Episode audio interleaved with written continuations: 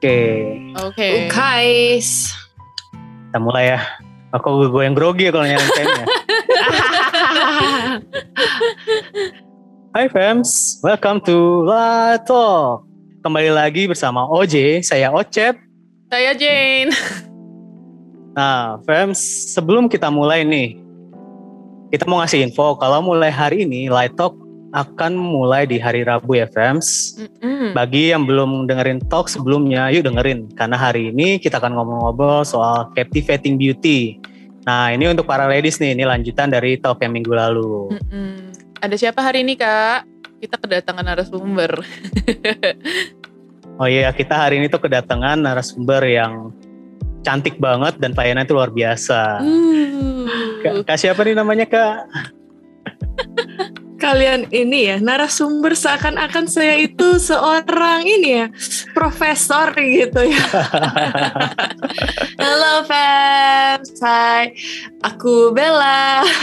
Thank you so much Ocep, Jane for inviting me to talk in this live talk. Iya, Kak Bella, ngomong-ngomong Kak Bella tuh aktif di pelayanan apa sih di LJF ini? Di LOJF yang pertama-tama sih aku uh, melayani di LOJ Worship. Terus juga udah gitu saya uh, di LG um, Couple, LG Serenade jadi LGL. Hmm. Terus puji Tuhan beberapa tahun belakangan Tuhan percayain untuk bisa pelayanan bareng di uh, Next Gen Ministry di anak-anak teens. Jadi di Light Teens. Oh banyak, ya Banyak pelayanan kakak satu ini ya. Wah, eh, puji Tuhan dong, puji Tuhan, Tuhan masih pakai, Tuhan masih kasih kesempatan, jadi ya seru-seruin aja. kak, kak, em, Yes, Kak yes, Bella nih eh, hari ini eh, kita ngomongin soal captivating beauty gitu kak. Menurut Kak Bella nih, apa sih peran dan tujuan awal wanita diciptakan oleh Tuhan? Menurut kakak aja dulu, gimana? Oke, yang menurut aku ya. Hah, oke. Jadi hari ini kita mau ngomongin soal perempuan. Jadi kalau aku pribadi setelah eh melewati begitu banyak fase kehidupan ya, kayak udah tua aja belum belum.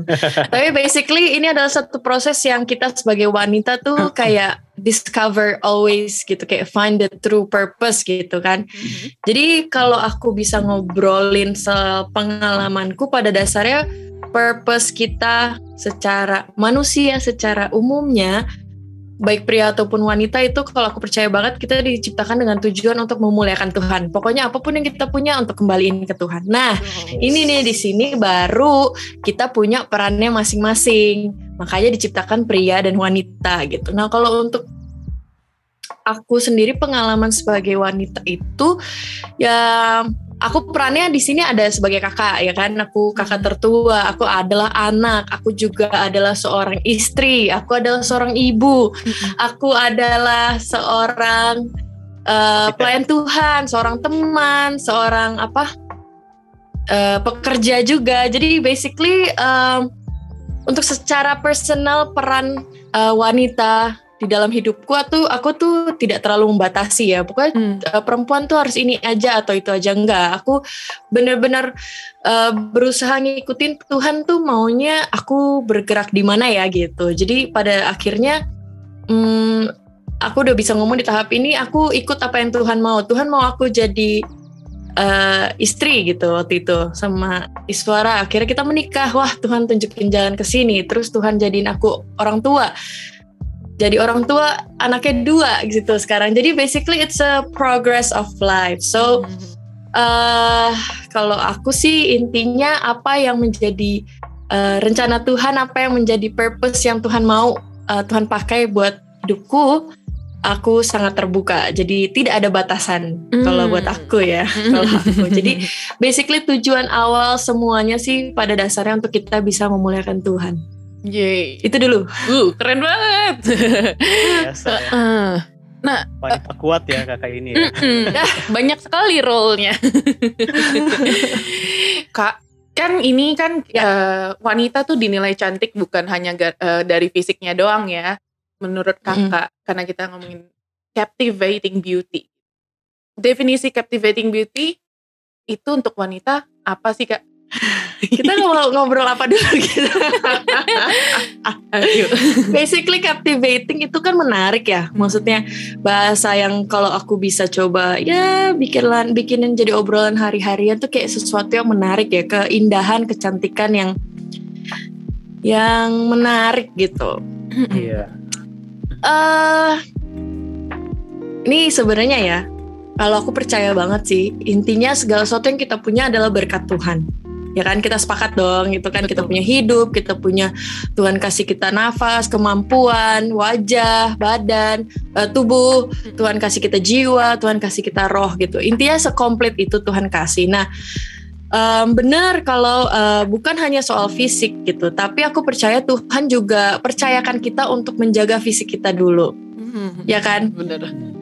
Uh, tapi tapi tapi tapi aku percaya fisik itu akan uh, apa ya akan terpancar ketika roh kita tuh udah kuat ketika roh kita juga um, menangkap keindahannya Tuhan. Hmm. So we're not talking about captivating beauty as a lady yang kayak apa yang di, apa yang dilihat uh, sama uh, laki gitu, apa yang dilihat sama teman-teman, apa yang menjadi perbandingan hidup aku sama hidup dia gitu. Tapi basically ketika roh kita sudah uh, bisa mengeluarkan ya kan kasih Tuhan, mengeluarkan apa ya?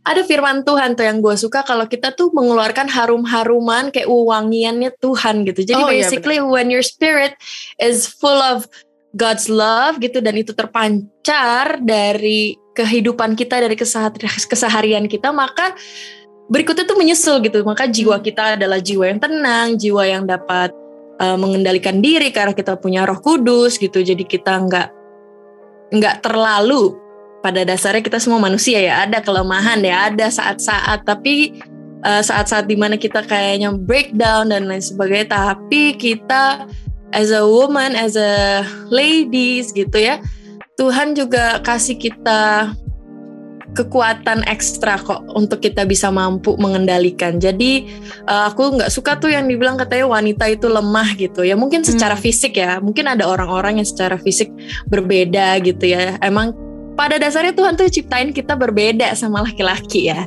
Jadi itu yang kayak top of the line gitu ya. Nggak bisa tuh kayak um, Oh ya beda-beda ya maksud gue gue nggak nggak nggak nggak di hidup aku tuh nggak nggak yang man and woman uh, have the same strength gitu. Hmm. Ta tapi aku percaya kita punya porsi yang berbeda-beda. Hmm. Di mana kita semua sama-sama kuat di porsi itu gitu. Jadi Hmm, definisi, definisi captivating beauty itu basically kita tangkap dulu, kita tarik dulu, kita buat roh kita tuh semenarik itu tentang uh, bagaimana kita memancarkan keindahan Tuhan, maka jiwa kita akan mengikuti, maka fisik kita akan mengikuti juga. Jadi karena kesadaran itu, oh gue harus jaga tubuh yang Tuhan udah berikan gitu, bukan semata-mata untuk menarik perhatian secara duniawi, secara apa ya kedagingan, tapi karena oh I appreciate my body, I appreciate my life, and I'm making it the best for God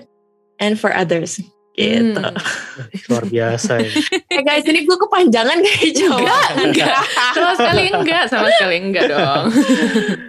Tapi pasti pada paham nih fans yang di rumah kan ya. Tapi gimana sih kayak dari popos atau definisi dari captivating beauty tadi itu pasti kan punya hal apa aja sih yang dimiliki wanita tuh agar supaya bisa menjalankan perannya tapi itu sesuai dengan tujuan yang Tuhan yang berikan gitu ya. Apa aja yang perlu ya? Ada gak sih kak? Kayak para wanita sekarang nih kan kayak masih bingung nih perannya apa sih? Apakah dia harus di dapur aja atau mm -mm. gimana? Tapi kan pasti punya seseorang apa makhluk apa ciptaan Tuhan tuh pasti kan punya tujuan diciptakan oleh Tuhan. Betul. Nah wanita itu kan pasti juga punya tuh. Oke. Okay. jadi um, kembali lagi purpose. Purpose itu adalah tujuan. Nah, untuk kita menjalankan tujuan itu kita tuh ada panggilan gitu.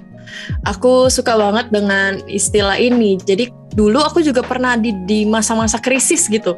Di mana-mana di mana aku kayak ya sekarang aku mungkin bisa ceritain ke teman-teman karena udah misalnya kalian single gitu ya karena aku udah menikah gitu aku udah bisa cerita gitu loh tapi waktu aku di uh, di fase kehidupan single itu aku juga mencari-cari sorry men mencari-cari gitu loh. Tuhan Tuhan tuh mau aku apa ya gitu. That's why yang tadi aku selalu bilang bahwa it's a progress of life and it's a never ending. Kita tuh harus cari terus cari terus wajah Tuhan melekat terus sama Tuhan tanya terus sama Tuhan apa hmm. sih yang Tuhan tuh mau gitu.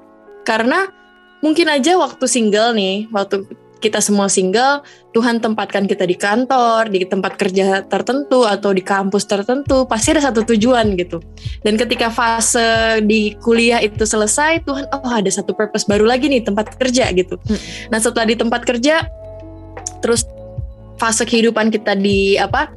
dilamar misalnya diajak menikah, oh berarti kita naik lagi nih gitu. Hmm. Jadi basically itu tuh harus harus uh, kita tanya Tuhan terus gitu. Dan mm dan itu bukan kayak buat aku pribadi ya. Bukan soal tentang gue maunya ini gue maunya itu. Kalau kita udah dalam Tuhan kita udah ber berserah kehidupan kita kayak I give my life to you and aku mau Tuhan pakai untuk hidupku untuk kemuliaan Tuhan pasti kita akan lebih uh, terbuka gitu. Oh uh, mungkin ketika kita mengalami kegagalan gitu, kita mengalami permasalahan, oh mungkin Tuhan nggak mau aku di sini, atau misalnya ada teman-teman yang mengalami kegagalan percintaan misalnya ya kan, kayaknya ini udah the right one terus ternyata gagal gitu kan, kita sebagai manusia kan kayak Tuhan aku udah sampai sejauh ini ya, terus please deh gitu kan, tapi at the end kita juga bisa bilang kalau oh ternyata bukan dia nih tujuan hidup aku bersama misalnya gitu.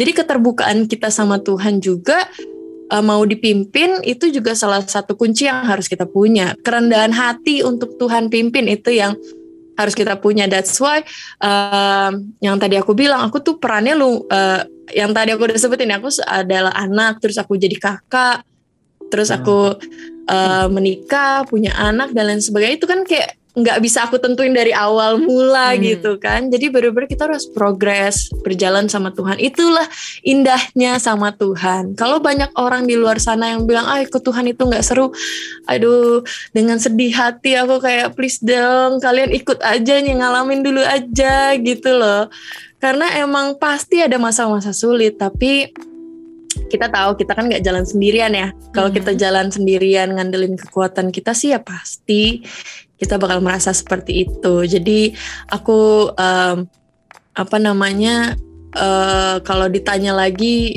apa sih yang mesti dimiliki tuh? Apa sih yang mesti dicari sama seorang wanita sampai bisa tahu apa peranan dia gitu ya? Iya. Cari hati Tuhan sih, cari wajah Tuhan dan mau terus terbuka gitu. Ketika kita menikah uh, terus jangan tertutup dengan kayak oh aku nggak mau punya anak atau oh aku nggak mau ini nggak mau itu oh aku nggak mau kerja deh oh aku mau uh, di rumah aja oh aku biarin suamiku bekerja aja misalnya tapi kan we never know hmm. apakah Tuhan kasih kesempatan kita bekerja, bisa mensupport suami kita dan kalau emang dikasih kesempatan, why not gitu. Hmm. Dan jangan sampai ketika kita bekerja terus kita bilang, "Ah, gue udah banting tulang, mestinya kan laki-laki yang bekerja keras dan lain sebagainya." Kalau seperti itu itu di dalam pernikahan teman-teman itu namanya bukan menjalani dengan sukacita dengan hati yang terbuka akan apa yang Tuhan udah minta gitu. Jadi basically cuman satu aja sih kerendahan hati mau uh, diajar Tuhan dan diajak Tuhan berjalan-jalan dalam kehidupan ini gitu, dalam prosesnya. Berarti tetap gitu. balik lagi ke read manual book ya. Manual booknya itu ke Oh iya, makanya ya? dong.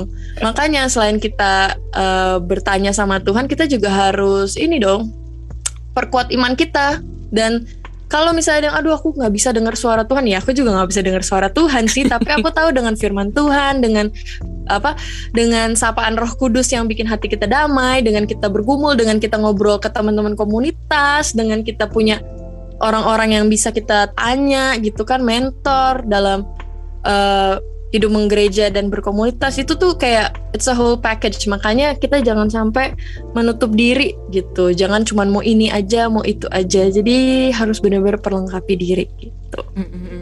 yang tadi Kak Bella sempet singgung soal dalam kehidupan pernikahan gitu ya. Eh, emang dibilang ya kalau misalkan waktu di zaman dulu suami dan istri jarang bercerai karena masing-masing menjalankan peran, saling menghormati pasangannya juga gitu. Ada yang namanya ruler respect, love and respect based on their roles gitu. Jadi em, nggak harus sampai si cowoknya ngerasa krisis identitas juga ya kan kak gitu walaupun walaupun cewek walaupun istrinya kerja gitu tapi tetap ya apa ya eh, tetap saling saling menghormati saling saling mengerti role-nya masing-masing gitu. Setuju. Mm-mm. Setuju, aku sangat-sangat seneng banget ya. Basically gini, ini juga buat Jane sama Ocep ya, buat teman-teman pendengar single, please if you want to have a soulmate, you want to get married gitu ya. Aku nggak bilang kayak harus cari anak yang lo JF. Kalau itu bisa lebih baik. itu tuh kayak super Itu poin duper plus lebih ya? baik guys. Poin plus plus ya. Kayak ding ding ding ding ding gitu. Koinnya dapat banyak. Tapi maksudnya gini, ketika kita mengawali kehidupan berumah tangga nih ya, dua sejoli yang berbeda ini mau Mhm. bersatu di satu atap rumah gitu ya. Mm-mm. Itu basically harus punya fondasi yang sama gitu. Makanya ketika em, menikah gitu, makanya kenapa aku bilang sangat baik kalau satu komunitas berarti fondasinya sama dong. LG-nya kan bahannya sama nih kita Betul. nonton Visit at Home-nya firmannya sama nih, puji-pujiannya sama gitu. Kita hidup di gereja yang sama, Mm-mm. kita ekaristi, kita uh, terima komuni kudus, basically the same foundation ya. Mm-mm. Dan aku selalu uh, merasa diberkati gitu. Kami berdua, aku dan Iswara tuh bisa ada di komunitas ini dan di komunitas ini tuh bener-bener couples tuh juga dipikirin gitu. Singles dipikirin dan nggak dibiarin setelah married lu udah udah berpasangan nih udah nih udah lu urus sendiri enggak juga gitu kita makanya ada LG couple kita belajar satu sama lain kita ada bahan-bahan firman soal couples dan lain sebagainya jadi kita belajar gitu nah untuk aku bisa ngobrol kayak gini tuh butuh tujuh enam setengah tahun pernikahan gitu loh guys. Wow. jadi m- waktu awal-awal kita juga nggak ngerti gitu. Kita baru tujuh bulan married terus ikut couples retreat. Terus gue Oh. sama Iswara kayak oh gini ya nanti kehidupan pernikahan kita. Saat itu seperti itu. Tapi setelah kita udah jalanin untung banget bekal itu kita udah terima di awal pernikahan. Bahkan sebelum kita married juga kita udah join LG jadi ketika ada yang tadi tuh peran-peran aku tuh harus bekerja atau enggak sebagai wanita gitu ya. Kita tuh tahu posisi kita. Basically Tuhan udah ciptakan bahwa eh, pria dan wanita itu sama tapi berbeda gitu. Mm-mm. itu butuh apa ya hikmat yang luar biasa dalam arti berbeda dalam perannya masing-masing tapi akan menjadi satu ketika kalian bersatu gitu. Dan makanya hmm, makanya perlu fondasi yang sama ngobrol yang sama gitu kan ngobrol bareng kira-kira kalau aku bekerja gitu ya kamu Hmm. keberatan nggak gitu kan atau enggak suaminya bilang eh sorry banget nih aku penghasilannya nih cuman segini kira-kira eh, kamu mau bantu aku juga nggak ya? Basically it's a team, it's a Hmm. team project. Pernikahan ini tuh per- eh, adalah project bareng gitu guys, nggak bisa sendiri-sendiri. Namanya juga udah couple ya kan. Jadi em, memang zaman dulu mungkin ber apa ya berjalan dengan waktu kali ya. Emang saat itu emang harus seperti itu gitu. Coba bayangin dari dulu gitu ya wanita udah kayak punya posisi dan lain sebagainya mungkin saat ini kita nggak akan ada di posisi seperti ini gitu. Mungkin wanita udah jadi agak rebel gitu. Pokoknya kayak merasa pokoknya gue lebih ini tapi basically kembali lagi ke firman Tuhan dan kebenaran Tuhan bahwa kita semua diciptakan sama tapi berbeda. Hmm. jadi hmm, kalau buat aku pribadi tetap laki-laki em, adalah pemimpin. Jadi meskipun aku mampu nih, meskipun aku bisa, tapi I decided to marry Iswara, I decided to walk with Iswara in my life and I know Tuhan udah taruh Iswara eh, perannya sebagai laki-laki, makanya kita harus respect dan kita harus benar-benar bertumbuh bareng. wow Panjang ya. Iya. Maksudnya, eh, Ngobrolin ini nih bisa panjang nih. sorry sorry guys. it's okay, it's okay. Tapi kayak yang Kak Bella bilang ya, eh, male and female equal but different. Terus complements Yes. each others. Terus eh, both bisa jadi leaders, tapi mereka juga ngelitnya secara eh, berbeda gitu. Dan Betul, memang betul, betul. em, merespon kehidupan juga dengan cara yang berbeda dan punya kebutuhan yang beda gitu. Em, Kak Ocep, Kak Ocep, eh, kayaknya Kak Ocep tahu kan purpose-nya female itu apa Kak? Coba. walaupun Cep, cep, buka contekan dulu cep, cep. Wah, enggak, wala, enggak, maksudnya walaupun walaupun Kak Ocep cowok gitu kan, tapi tetap aja harus tahu kan. Aduh, gue kalau ngomong di sini nih takut dikeroyok dua cewek di sini. Cep, anggap ini bekal calon istri lu, Cep. Betul. Oke, purpose seorang wanita ya di sini kayak pertama image. Nah, seorang wanita diciptakan itu ci- citra dengan Allah menurut roh yang sama dengan pria. Karena di hadapan Allah itu nggak ada female, female semuanya itu sama atau satu. Nah, jadi wajahnya itu memang cuma satu, cuma aja Kristus aja. Jadi Kan- sehingga image, nature dan karakter Allah juga ada dalam diri wanita seutuhnya. Jadi pria dan wanita tuh uh, equal tapi beda gitu. Bedanya tadi apa tadi bedanya? menjalankannya aja, tapi Hmm. di Iya. hadapan Tuhan sih sama aja. sama Betul. aja. Iya. Hmm. Lalu sini wanita juga bertujuan sebagai worshipper. Tujuan Mm-mm. utama uh, wanita apa manusia diciptakan itu sebagai penyembah Allah. Jadi hal yang sama berlaku juga pada pria maupun wanita. Ya. Nah, di sini juga wanita juga bisa menjadi leader. Hmm. Tapi wanita ini memimpin uh, apa ya? Kalau sebagai sekarang itu influence. Jadi wanita memimpin dengan menginfluence uh, orang-orang. Kalau pria itu memimpin uh, sebagai posisinya. Hmm. Jadi kalau pria itu kan suka memimpin dengan memberi perintah, jangan ini, jangan itu, lakukan ini, lakukan itu kan. Jangan Ya. kalau wanita itu melit dengan menggunakan pengaruh. Ya. Ya kan. Hmm. Jadi bukan dengan memerintah tapi mempengaruhi orang tersebut dengan ya kayak Hawa aja kan mempengaruhi Adam gitu kan. Bener sih. That's not bad. That's r- quite Iya benar. right. dari awal kita dari awal kita udah di di, di bertujuan untuk mempengaruhi laki-laki. Eh, tapi tapi aku em, kalau misalnya boleh sharing dikit, aku juga ngelihat kayak gitu di di kehidupan mama papaku gitu. Jadi papaku kan eh, tetap sebagai pemimpin di keluarga, tapi kalau misalkan ada keputusan sesuatu apa atau gimana gitu, selalu mamaku kayak ada ngasih input kayak tapi ya mending kayak gini, kayak gini, kayak gini, kayak gini tuh. Yang kayak gitu tuh. Ya, Jadi Yes. kayak emang apa ya?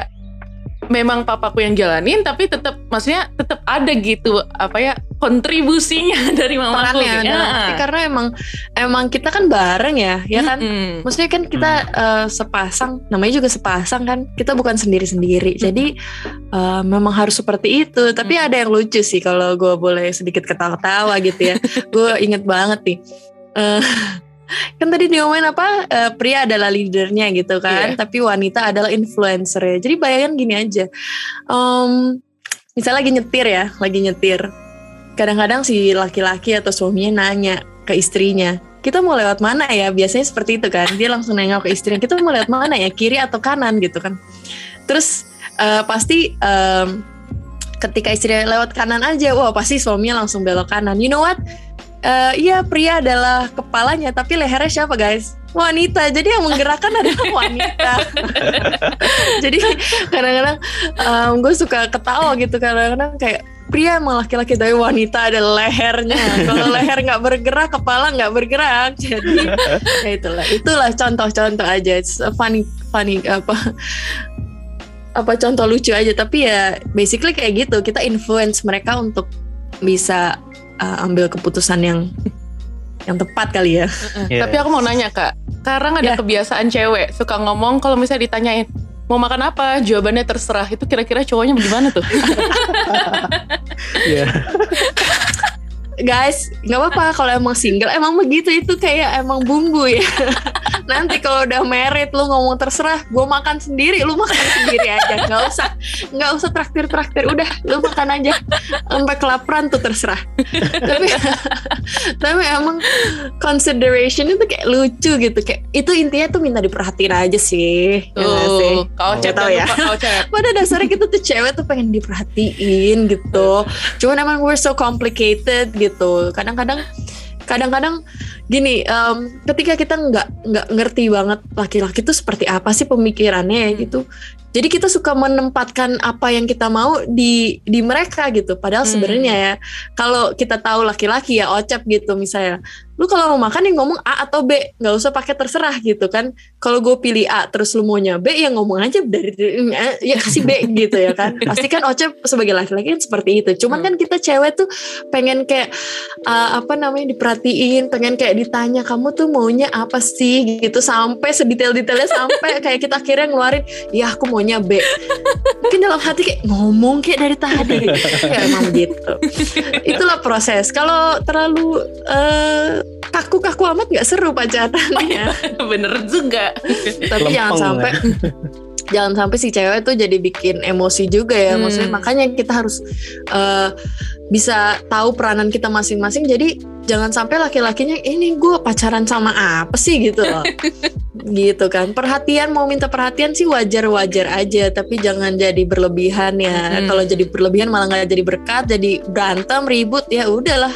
Bye tuh ngedate ngedate udah siapin waktu udah dandan berjam-jam ya kan cuman gara-gara terserah Sia-sia. Oke kita pulang aja makan di rumah. Nah loh. gitu.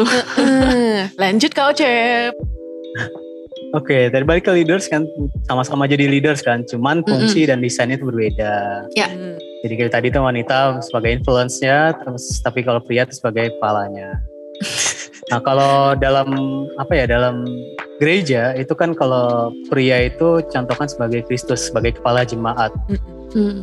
Nah, tapi di sisi lain Allah juga melibatkan wanita dalam karya keselamatannya seperti Bunda Maria, Hmm. Mother Teresa dan para santa pelindung kita. Mm-mm. Hmm. Lalu di sini purpose wanita tuh uh, sebagai helper ya, sebagai penolong bagi pria dalam menjalankan menjalankan tugasnya. Bukan mengambil tugasnya tapi membantu. Mm-mm. Jadi kita penting banget untuk tahu perbedaan kedua hal ini karena seorang wanita yang mengerjakan semua sendiri karena merasa si pria bekerja lebih lambat atau kurang cekatan. Iya, seperti yang kita ingatkan wanita itu makhluk multitasking ya, multitasking ya. Iya. Multitasking. Oh iya itu dia. yang sambil nyetrika bisa ngomong anak Eh, ya. itu bener loh. Itu bener. itu kejadian sendiri. Aku lihat mamaku sendiri sampai sekarang aku masih mikir kok bisa ya kayak gitu. Nanti Jane kamu sendiri ya. Karena emang itu it's natural guys, it's natural nggak bisa nggak bisa dilatih, nggak ada sekolahnya nggak ada.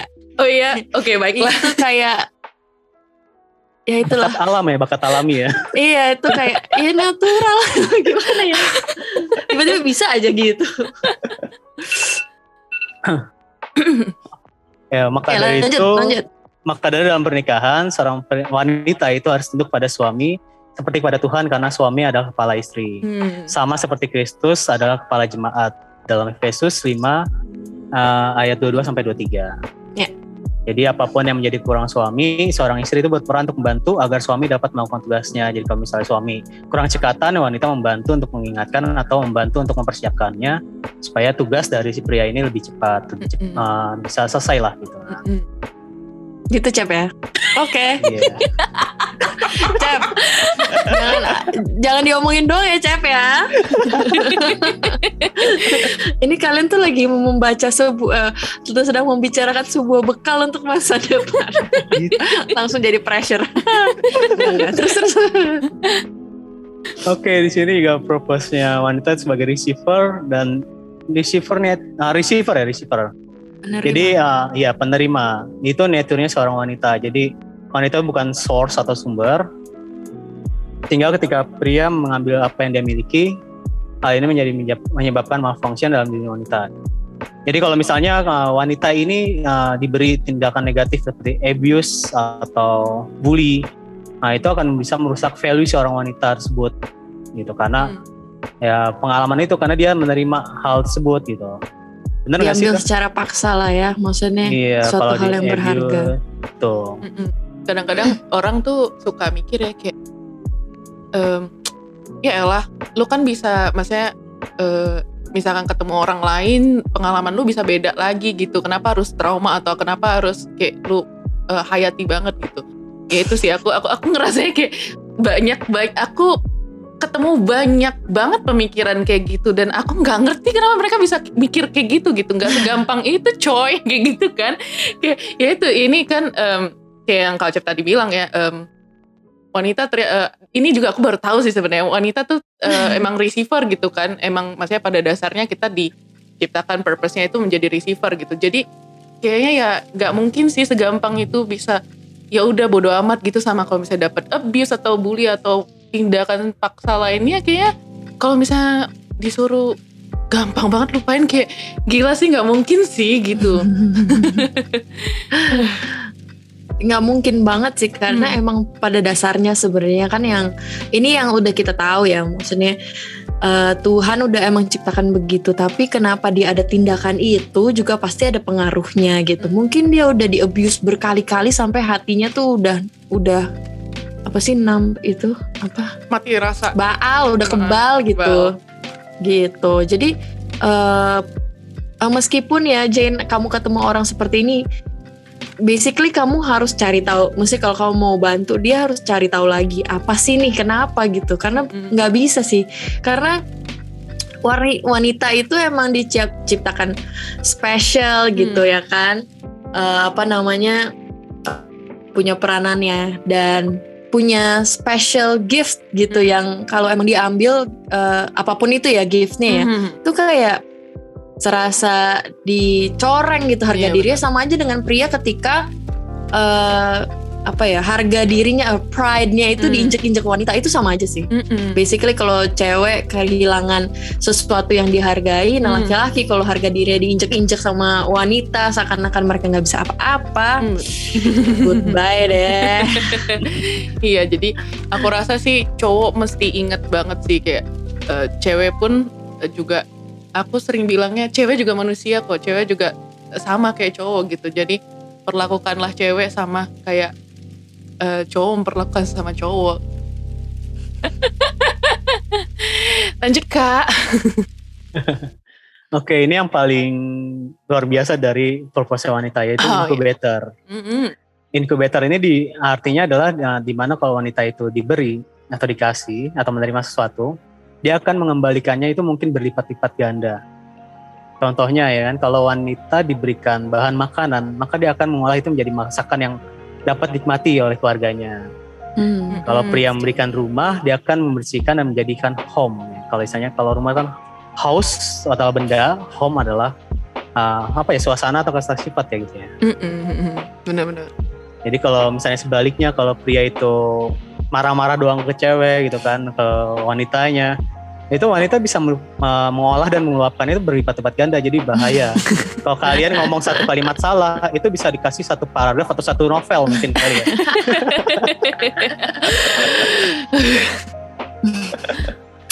setuju. Saya tidak akan mendinai itu. Oh pengalaman ya kak ya? Pengalaman? Oh lumayan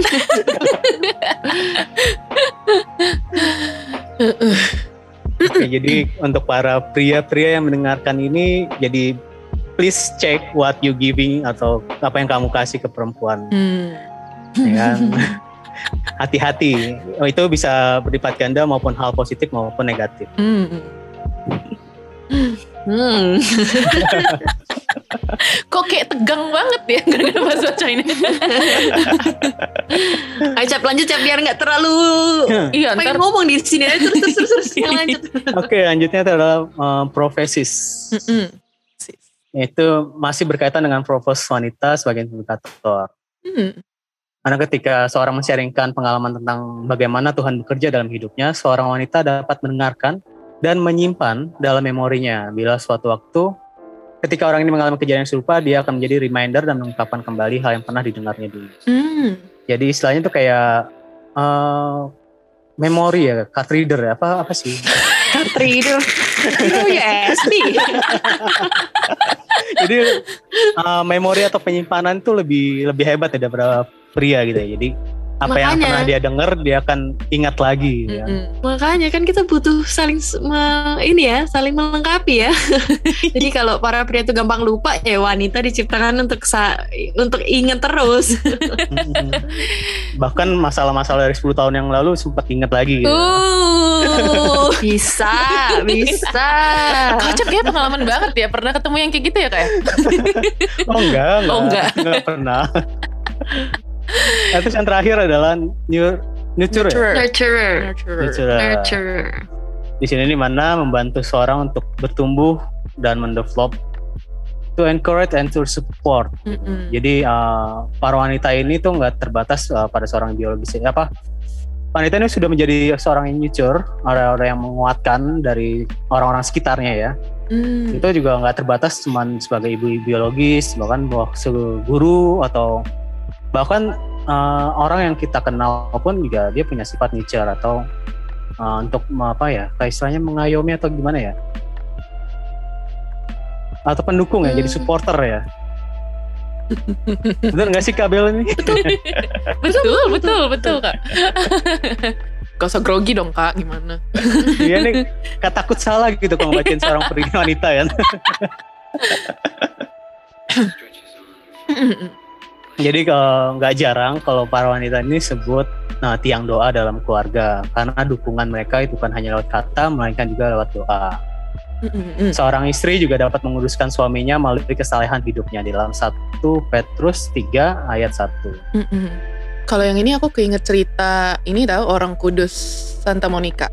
Dia kan suaminya em, ya basic nih suaminya orang jahat. Terus eh, Santo Agustinus anaknya juga nakal banget kan gitu. Tapi dia bener-bener menyerahkan hidupnya kepada Tuhan dan bener-bener menjadi wanita yang saleh gitu. Eh, bener-bener apa ya walaupun dia entah di di semacam ya suaminya bagaimana, anaknya bagaimana, tapi dia tetap berdoa terus berdoa terus berdoa terus sampai akhirnya tuh suaminya Santa Monica ini dan anaknya ya itu em, bertobat dan ini me- apa kembali ke Tuhan gitu loh. Itu eh, it's a powerful thing dari dari em, seorang wanita gitu.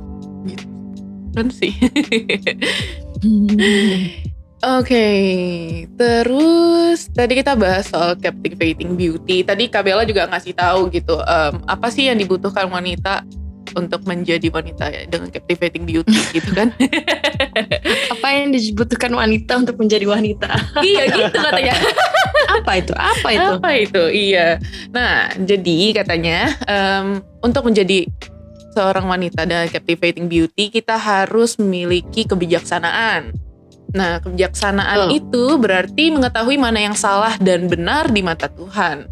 Untuk menjadi wanita yang bijaksana, kita harus membekali diri dengan kebenaran firman Tuhan. Tuhan Yesus sendiri yang mengatakan di dalam ayat berikut bahwa orang yang bijak adalah orang yang mengetahui dan melakukan firman Tuhan. Ayatnya adalah Matius 7 ayat 24. Setiap orang yang mendengar perkataanku ini dan melakukannya, ia sama dengan orang yang bijaksana yang mendirikan rumahnya di atas batu. Terus yang kedua, be gentle. Be gentle. Tuhan mewariskan sifatnya yang lemah lembut kepada wanita ketika menciptakan Hawa. Jadilah wanita yang lemah lembut dalam mendidik anak, mengemukakan pendapat kepada pasangan, dan dalam keseharian kita di tempat kerja atau bisnis. Kemolekan adalah bohong dan kecantikan adalah sia-sia, tetapi istri yang takut akan Tuhan dipuji-puji. Wuh. Be gentle, kayak aku masih belum bisa gentle. Ya, gimana? It's okay, Jen. It's a learning process. Balik lagi, proses. Yuk, yuk. Heeh. Terus yang ketiga, fear of the Lord.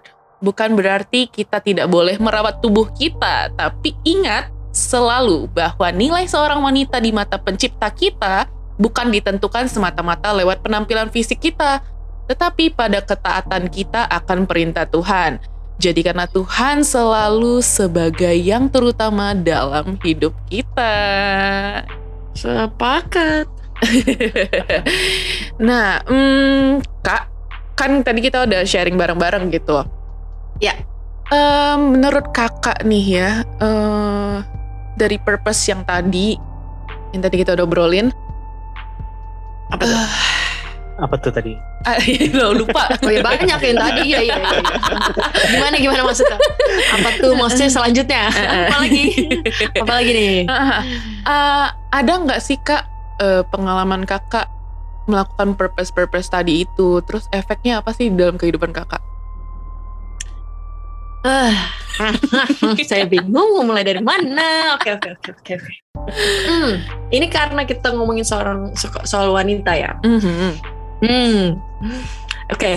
Uh, ini kayak bakal cerita sih, guys. Are you ready? To Yes, story? of Yes, I'm course. I'm ready, I'm gini ready. gini enggak maksudnya um, waktu itu uh, apa namanya aku bener-bener cari karena kita tuh wanita ya Mhm. itu kan mau tahu mungkin kita kepikiran terus gitu ya aduh aku tuh menikah apa enggak ya? Aku tuh bakal merit di umur berapa? Aku bakal ketemu Mhm. calon suami gimana? Dan sebagainya. Itu tuh kayak nggak tahu ya laki-laki begitu nggak sih? Kalau kita tuh kayak it's haunting gitu Betul like betul betul. dulu ya dulu ya gue pikir ketika gue menikah I full my my purpose is fulfilled like I'm done. Pokoknya gue udah married end gitu. Tapi ternyata ceritanya tuh nggak selesai di situ gitu. Makanya uh, buat teman-teman singles um, please equip yourself ladies to be whole in God. Jadi ketika kita misalnya memang belum menikah gitu ya memang kita belum uh, ketemu pasangan atau ketika kita pun menikah tapi misalnya belum dikarunia anak gitu ya itu tuh um, kita kayak oh mungkin tujuan ada satu tujuan yang Tuhan mau gitu. Kayak makanya yang aku bilang dulu tuh aku aku bertanya-tanya terus gitu. Um, gimana sih caranya supaya gue tuh uh, bisa tahu gue tuh mau merit di tahun berapa? Gue tuh sampai kalau perlu tuh cari someone yang bisa membaca masa depan gue dan memberitahu oh lu akan merit di hari ini di tanggal ini sama ini gitu.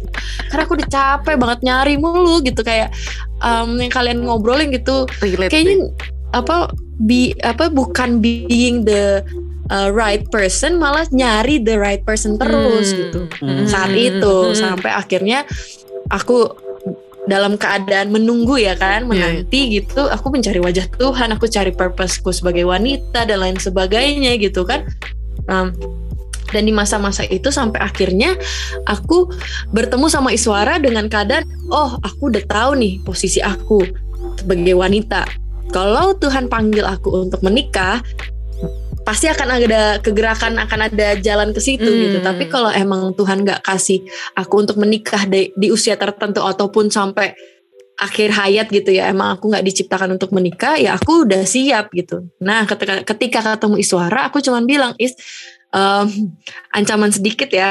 Pokoknya kalau lu mau pacaran sama gue lu siap nikahin aja gitu. Kalau enggak ya nggak usah gitu. Kayak gitu. Terus Iswara ya dengan kepercayaan dirinya dan saya berharap itu dari Tuhan dan saya percaya. Jadi dia bilang oh ya ayo gitu. Ayo gue siap kayak gitu. Jadi dari situ baru Hmm. kita kayak berjalan bareng cari wajah Tuhan dan mendapat peneguhan gitu untuk menjalani pernikahan ini bersama. Jadi dari situ nah udah nih yang tadi aku bilang ketika married kayaknya udah selesai nih fulfill my my purpose gitu. Padahal ter- ternyata belum. Ketika gue udah selesai married gue kayak gue ngapain lagi ya? Gitu kan.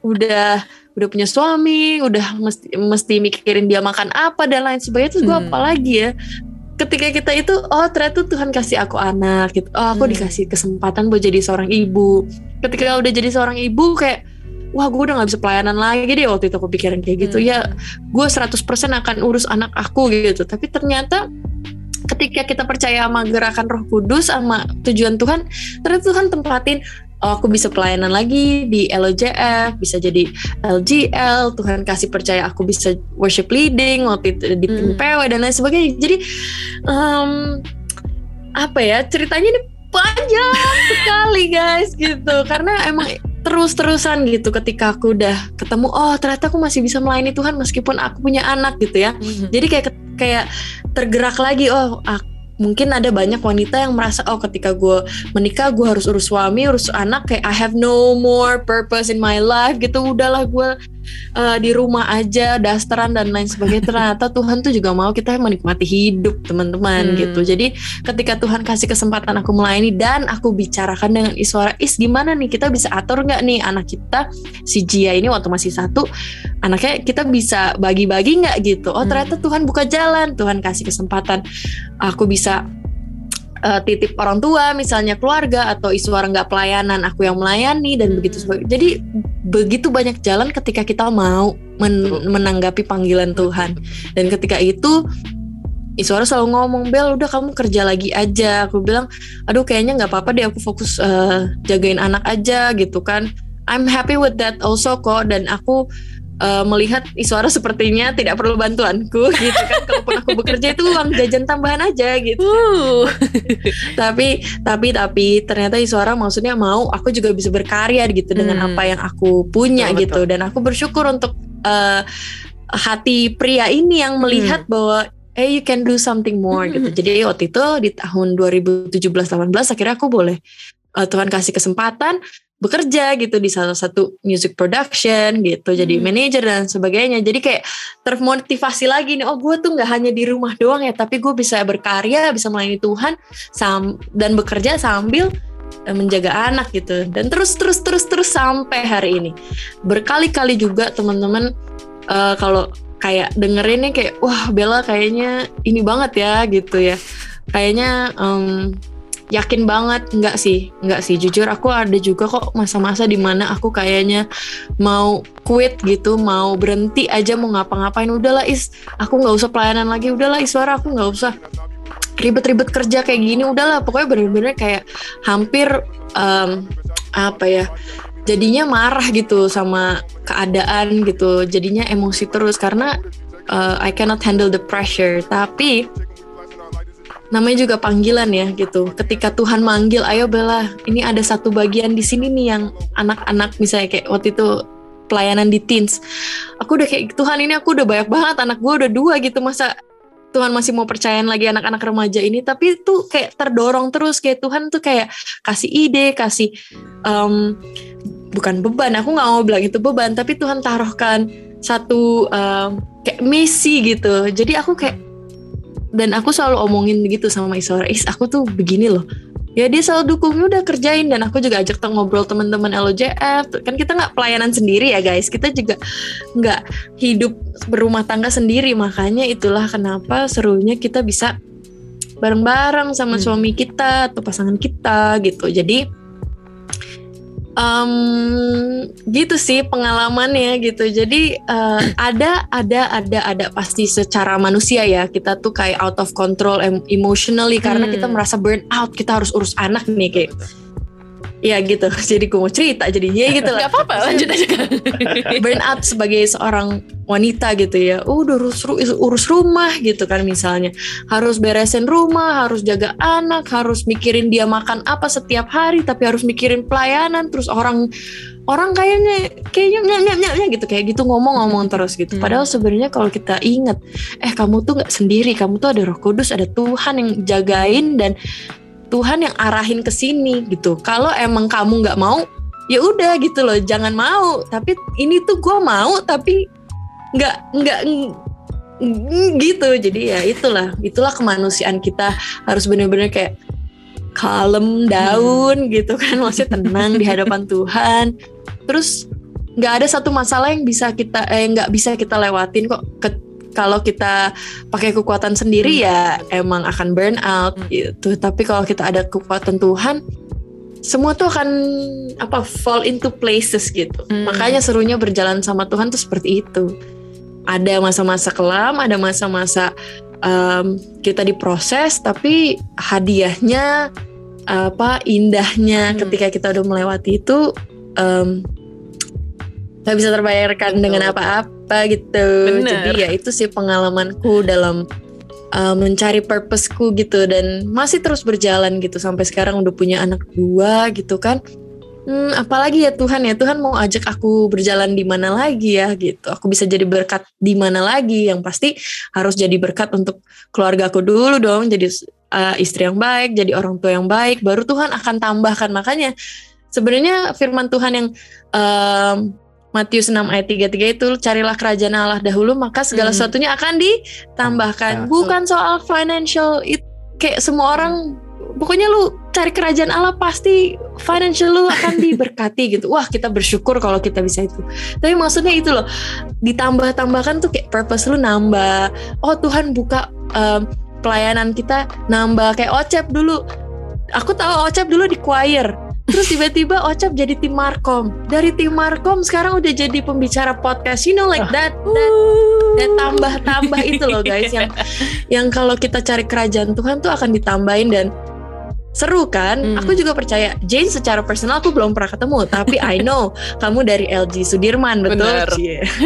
dari LG Sudirman ya kan aku juga tahu maksudnya kamu dari um, member terus Hmm. kalau sekarang sekarang kamu bisa apa namanya melayani gitu kan and you take another step. Oh aku mau melayani di podcast ini nih untuk Hmm. jadi berkat. Jadi yang tambah-tambah itu sih ya menurut aku yang yang ketika kita cari kerajaan Tuhan dan ketika kita udah komit sama Tuhan kita terbuka aja. Jangan kayak oh enggak deh Tuhan aku maunya pelayanan di sini aja. Coba Hmm. kalau eh, Ocep cuman bilang aku mau di choir aja deh aku nggak mau melayani melebarkan sayapku untuk Yes. melayani lebih Coba Jen cuma bilang aku nggak apa-apa deh jadi member aja aku dengerin aja LGL ku ngomong apa aku ikutin tapi but you experience the Hmm. love of God makanya you guys kayak excited kan mau bikin Bener, bener. podcast ini salah satunya jadi kayak gitu sih jadi jangan sampai firman Tuhan itu cuman uh, dikotak-kotakan hanya dengan financial kah atau kesehatan kah Hmm. tapi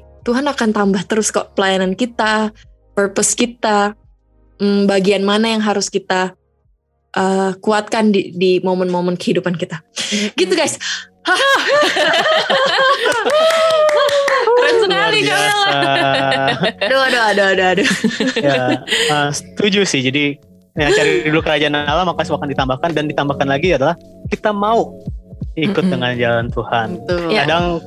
Tuhan tuh udah kasih kisi-kisi ya, tapi kita sekarang nolak ah nggak mau kayak tadi bilang kan kalau misalnya gue cuma pengen choir, terus nggak mau ngambil step apa yang Tuhan kasih kan nggak mungkin kita bisa berkembang juga. Gitu. bener. betul Kau Luar jadi biasa ya. gimana? apalagi nih apalagi nih aduh aduh aku kayaknya, banyak cerita kayaknya, ada satu pertanyaan lagi deh. Satu pertanyaan lagi ya Oke. kak. Baik. Ya. kakak tadi kan cerita ya soal kayak kehidupan pernikahan dan segala macam. Terus kakak juga eh, waktu dulu sebelum eh, waktu masih single punya pergumulan juga. Kapan sih gue harus? eh, kapan sih gue nikah kayak gitu segala macam gitu. Ini, ini mungkin pertanyaan semua cewek single kayaknya. Ada nggak? Jadi kan kadang-kadang kita kalau misalnya masih single kita masih bingung ya kak mas maksudnya kita kalau misalnya suka sama orang tuh kadang-kadang ya suka-suka biasa aja gitu kita masih belum kayak eh, apa kayak mindsetnya itu kayak sebenarnya gimana sih kriteria seorang pria yang baik yang sesuai dengan standar firman Allah katanya sih gitu ada nggak sih menurut kakak tuh yang untuk membantu eh, para ladies iya untuk melihat kriteria seorang pria yang sesuai dengan sesuai dengan standar Tuhan mungkin ya gitu gimana kak? Iya. Ah. Um, ini berdasarkan pengalaman pribadi ya, maksudnya I don't know how to generalize Mm. it gitu, tapi ini aku alami secara pribadi. Cerita sedikit dulu ya, biar ada latar belakangnya. Yaitu kan yang tadi aku udah cerita dan Jane juga mengalami ataupun ladies single ladies juga pasti bertanya-tanya apa Mm. sih yang uh, Tuhan mau atau kapan sih gue ketemu the one gitu. Jadi gue juga dulu tuh kayak bikin list gitu kriteria yang aku mau. Mm. Tuhan aku maunya begini begini begini begini begini begini gitu. Wah panjang deh list aku. Tapi uh, somehow ketika aku berjalan gitu ya berrelasi sama orang-orang eh sama orang-orang mesti se- berrelasi sama teman-teman iya gitu kan kayaknya nggak pernah ketemu gitu yang yang itu gitu kan Yang nggak sesuai list ya. Iya gitu. Jadi kayak akhirnya aku coba menyesuaikan aja deh apa yang orang itu punya. Misalnya aku suka eh, misalnya ada yang nembak nih, ah sebenarnya nggak sesuai kriteria sih, tapi nggak apa-apa deh. Siapa tahu gitu. Bisa berubah kayak gitu gitu. Eh, aku mengalaminya seperti itu. Sampai akhirnya tuh namanya juga pacaran ya untuk Iya. Ladies please close your eyes, don't close your heart for anything before the marriage. Oke, karena kalau kamu udah nutup mata, nutup uh, telinga dengan kayak memandang laki-laki ini yang terbaik bahkan belum menikah waduh hmm. mungkin aku nggak akan ketemu Iswara ketika single tuh waktu cari taunya bukan sembarangan ya gitu di dalam Tuhan gitu jadi ketika kita berdoa Tuhan aku mau kan kita semua berdoa dong pastikan minta Tuhan gitu nah aku cuman ada satu ini aja sih satu penguatan yang aku pernah dengar ketika kamu kuat di dalam Tuhan dan kamu mau minta pasangan dan ternyata lagi ada seorang pria yang juga sedang mengejar hadirat Tuhan, itu adalah orang yang terbaik, itu adalah orang yang tepat. Jadi ketika aku juga lagi mencari dan mencarinya mencari Tuhan ya gitu, maksudnya mencari Tuhan dan ternyata aku ketemu Iswara juga baru terlibat dalam kehidupan komunitas dan kayaknya ini pas nih ya, kayak hmm. maksudnya aku kayak wah dia juga lagi ngejar Tuhan nih gitu, yuk kita lari bareng-bareng gitu. Jadi ketika kita jalan sama-sama hmm, udah tahu nih kayak gini aja deh buat teman-teman single kapan sih tahu kita dia ini orang yang tepat ketika hati kamu sudah damai ketika hati kamu tuh kayak ngunci gitu. Hmm. kayak ngeklik gitu. Kayak gembok ketemu sama kuncinya gitu. Hmm. jadi kayak krek gitu. Kan kalau nggak cocok kan ya nggak ngunci-ngunci gitu. Jadi aku ya pengalamannya gitu ya. Ketika kayak aku ber apa sih misalnya pacaran sama A B C gitu. Kayaknya nggak nutup nutup gitu. Tapi ketika aku ketemu Iswara aku tiba-tiba kayak dan hmm. dikuatkan dengan dukungan orang tua, dengan orang sekitar, dengan teman-teman komunitas gitu. Jadi ketika persiapan pernikahan tuh udah nggak ragu lagi kayak, aduh dia bener nggak, ya udah nggak seperti itu. Hmm. Jadi kriteria nomor satu adalah dia itu harus menjadi orang yang mencari wajah Tuhan itu nomor satu ya hmm. karena misalnya ah dia nyari wajah Tuhan tapi karakternya nggak bagus karakternya eh, nggak uh, nggak sopan dan lain sebagainya itu juga harus jadi pertimbangan hmm. tapi aku percaya ketika dia mau dibentuk sama Tuhan pasti dia akan uh, berubah gitu jadi bukan kitanya yang merubah tapi karena kasih dan kekuatan Tuhan gitu dan kebenaran Tuhan dan yang kedua dia juga harus menghasilkan sesuatu Hmm. Ladies, catat ini boldly dia harus menghasilkan sesuatu dalam arti dia berkarya gitu. Hmm. Tangannya tuh bekerja menghasilkan sesuatu gitu. Karena emang para pria diciptakan seperti sama Tuhan tuh begitu. Hmm. Yang ketiga adalah dia adalah seorang yang bisa melindungi bukan menjatuhkan kita hmm. gitu. Jangan sampai kita berpacaran sama laki-laki yang berkata-kata kasar, yang mungkin mulutnya lebih comel dari ceweknya gitu kan yang yang setiap omongannya tuh malah bikin dia down gitu kita down maksudnya hmm. bikin kita down gitu jadi buat aku nomor satu adalah laki-laki uh, ini harus benar-benar ada di dalam hadirat Tuhan the presence of God as hmm. in dia secara utuh ngerti uh, dia itu mencari wajah Tuhan terus yang kedua adalah dia bekerja gitu kan dengan baik dan bisa menghasilkan dan juga uh, tahu bagaimana untuk menjaga pas uh, calon istrinya gitu. Hmm. Jadi um, kira-kira itu semua ya yang aku juga uh, itu secara uh, fakta itu sama Isara gitu. Fakta-fakta. Semuanya ada ya di Is ya. Oh ada. Uh. Kalau Cap ini ya beda ya vibe-nya ya. Kalau misalnya udah ngomong sama orang yang berpengalaman tuh beda banget gitu ya. Kalau Cap ada mau nanya lagi?